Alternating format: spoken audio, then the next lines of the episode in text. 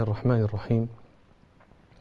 الحمد لله رب العالمين والصلاة والسلام على أشرف الأنبياء والمرسلين وعلى آله وأصحابه أجمعين. الصدق كلمة جميلة ومعناها أجمل. كلمة يحبها الله عز وجل ويحبها رسوله صلى الله عليه وسلم ويحبها الصالحون ويحبها العقلاء من أهل الملل كلها وهذا الصدق حصلت فيه لبعض الصحابة قصة عجيبة جدا. نزلت إثرها آيات ما زلنا نتلوها إلى يومنا هذا وستبقى تتلى في المحاريب إلى أن ينفخ النافخ في الصور. هذه القضية هي قصة المخلفين في غزوة تبوك. كعب بن مالك رحمه الله ورضي عنه أحد هؤلاء الثلاثة ويذكر هذه القصة. غزوة تبوك كان اجتمع فيها العسر. كانت الشقة بعيدة جدا. المدينة المسافة بين المدينة وتبوك مسافة طويلة قريب من أكثر من 600 700 كيلومتر. الظهر قليل يعني أكثر الناس سيذهبون مشيا. الحر شديد. ثم آه، النبي صلى الله عليه وسلم جعلها في وقت طابت فيه الثمار. والناس عندما تطيب ثمارهم ويودون أن يبقوا في ظلال نخيلهم في الماء والتمر والعيال وهذا أحب إليهم من مقارعة مقارعة الخطوب. وكعب بن مالك يقول إنه لم يجتمع عنده في غزوة أبدا راحلتان إلا في تلك الغزوة يعني لم يكن له عذر راحلتان. فلما وكان كانت عادة النبي صلى الله عليه وسلم أنه إذا أراد أن يخرج إلى غزوة ورى عنها لا يصرح ولكن يوري حتى إذا وجد جواسيس لا يأخذ الأمر على آه، حقيقته. إلا في تلك الغزوة فإنه صرح للناس بقصده ليأخذوا أهبتهم. الشقة بعيدة يحتاجون زادا يحتاجون ظهرا. فطفق الناس يتأهبون. وكان كعب بن مالك يقول أيضا أنا قادر على التأهب. خرج الجيش. ذهب رسول الله صلى الله عليه وسلم والناس. وكعب بن مالك كل يوم يقول آه، يخرج ليتأهب ثم يقول أرجع أنا قادر على أن أفعل حقهم أنا قادر إلى أن ابتعد الناس وبعدوا عنه كثيرا. في يوم من الأيام يسأل رسول الله صلى الله عليه وسلم عن كعب بن مالك. كعب بن مالك ما زال في المدينة. كل يوم يمني نفسه يقول أنا قادر على أن أتجهز وأدركهم. فلما سأل رسول الله صلى الله عليه وسلم عن عنه قال رجل يا رسول الله حبسه برداه والنظر إلى عطفيه. فقام رجل من الصحابة وقال بئس ما قلت. والله ما نعلم عنه إلا خيرا. فسكت رسول الله صلى الله عليه وسلم. وفي هذا كله و آه، كعب يمني النفس أنه قادر على يخرج ثم يرده الراد ما سبق له في علم الله أنه لن يخرج. فلما تفارت الغزو وعلم حينئذ يئس أنه لن علم أنه لن يدركهم بدأ يهيئ في نفسه ما الذي سيقوله لرسول الله صلى الله عليه وسلم إذا سأله النبي صلى الله عليه وسلم بعد رجوعه لماذا لم تخرج معنا. المشكلة أنه ليس له عذر هو يقول هذا. اجتمعت له راحلتان. قال فحضرني بثي. ماذا سأقول له؟ أعتذر إليه بكذا أعتذر إليه بكذا. وبلغهم خبر عودته النبي صلى الله عليه وسلم وأنه راجع.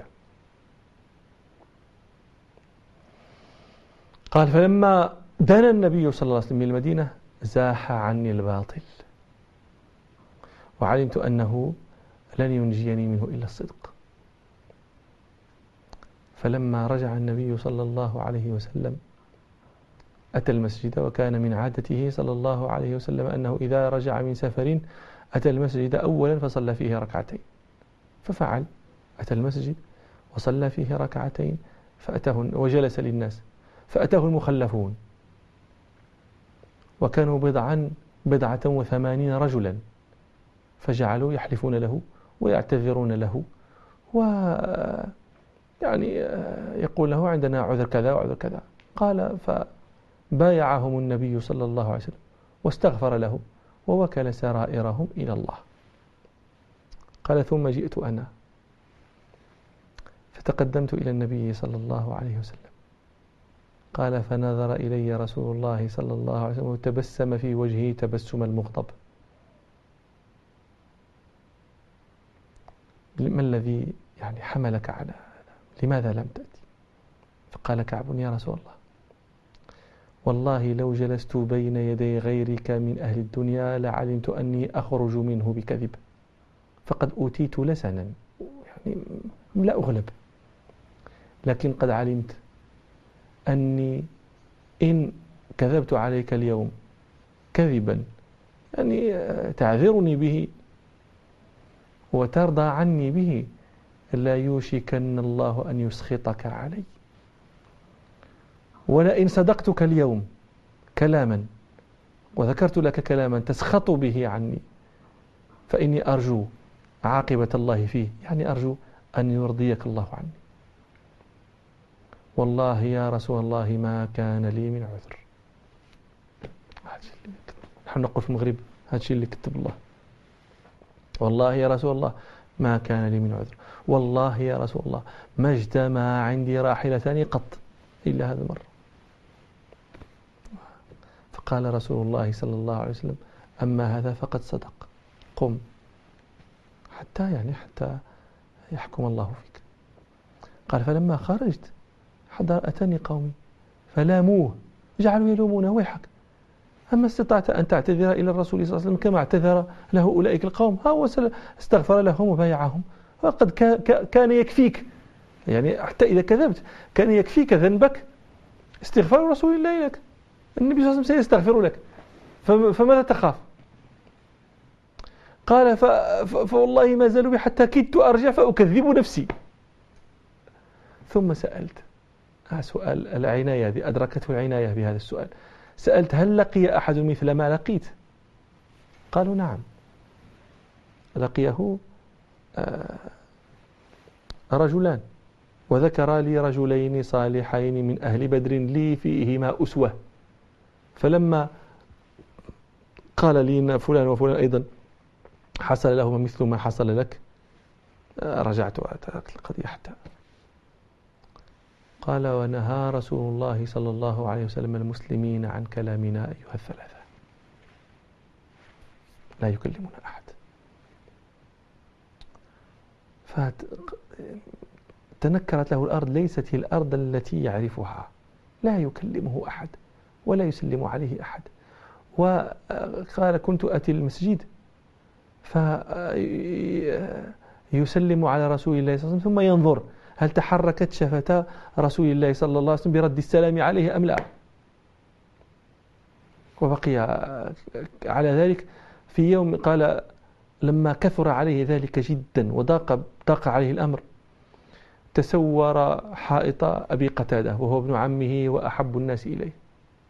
فقال له يا أبا قتادة هل تعلم أني أحب الله ورسوله؟ قال فسكت فلم يجبني. فقلت له أنشدك الله هل تعلم أني أحب الله ورسوله. فسكت. فلما كرر عليه مرة ثالثة تعلم هل تعلم؟ يعني إنك تعلم أني أحب الله ورسوله؟ قال أبو قتادة الله ورسوله أعلم. قال ففاضت عيني.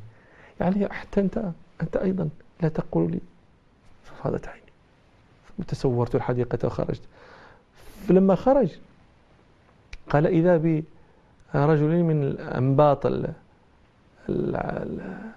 الشام يقول من يدل على كعب بن مالك؟ كانوا يأتون إلى المدينة للبيع. يقول من يدل على كعب بن مالك؟ فدل عليه فأتى كعب بن مالك قال فأتاني وأعطاني رسالة من ملك غسان. فإذا فيها قد بلغنا ما صنع صاحبك بك ولم يجعلك الله في دار هوان ولا في دار مضيعة فالحق بنا نواسيك. فقال آه، كعب وهذا أيضا من البلاء هذا الكتاب هذا أيضا من البلاء. قال فتنورت فتيممت تنورا. فران هذا الفرن. قال فقذفتها فيه فسجرت فيه تلك الرسالة فأحرقها. فلما مرت أربعون ليلة أمر النبي صلى الله عليه وسلم نساء الثلاثة أن أن أن أن يفارقوا أزواجهم. فقال هل يعني سألناه هل هل نطلق لا لا تطلقنا ولكن فارقون.